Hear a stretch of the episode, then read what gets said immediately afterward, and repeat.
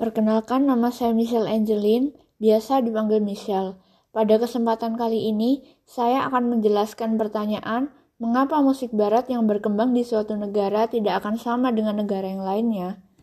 Jawabannya adalah karena musik barat yang banyak menjadi tren saat ini banyak disesuaikan dengan kebudayaan dan ciri khas tiap negara masing-masing.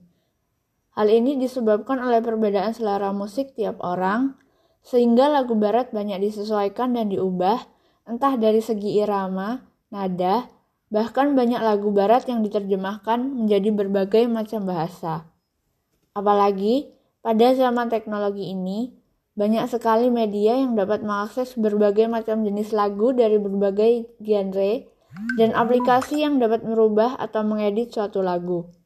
Sehingga kita dapat dengan mudah mendengarkan lagu-lagu yang sesuai dengan selera kita. Demikian penjelasan dari saya. Terima kasih.